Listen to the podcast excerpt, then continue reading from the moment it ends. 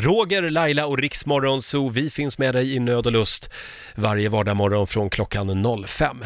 Vår morgonzoo-kompis eh, Felix Herngren var ju här. Han eh, hade en idé, en app som han vill utveckla. Den, eh, det är nämligen så här, om man, ibland har man ju nära vänner och kompisar och så, som man vill säga något jobbigt till. Mm. Och så kan man inte göra det, det, bara- det bara går inte liksom.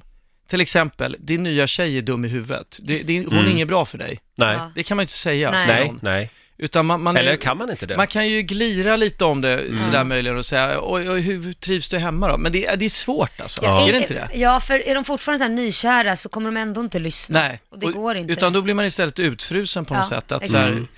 och mycket så. Och då har jag tänkt på att man borde eh, ha, utveckla en app där Mm. man kan bjuda in sina närmsta vänner, eller som ett med tajt gäng, men man kan vara anonym där.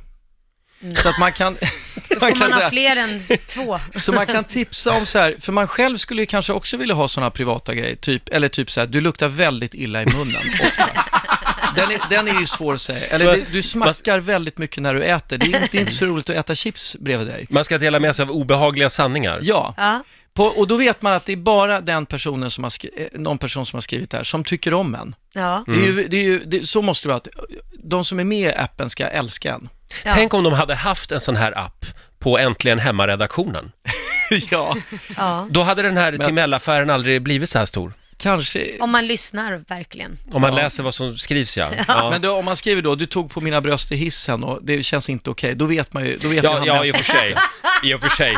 Eller- Ja, ja, men jag, jag gillar tanken. ja, eller är det, är det inte så, det är en Men ganska jag bra tycker idé det är en va? jättebra idé. Ja, Vi var inne på det här igår, Laila. jaha. Med tjejer som lånar ut kläder till kompisar. Precis, och man kanske har en lite för stor storlek så är man inte riktigt medveten om att man kanske är en 38 istället för en 36 Då kan man ju skriva då i den här appen, eh, du är för tjock, du, du är tjockare än Än vissa vad jag andra är. i det här gänget, du ska inte låna kläder av andra. Ja, vad Alltså, gud Tänk, vad taskigt. tänk på din storlek, nej men man, man behöver ju inte vara, man kan ju fortfarande uttrycka sig väldigt gulligt.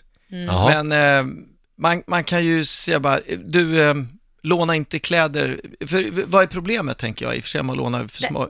Att kläderna går sönder då, eller? Ja, de spricker.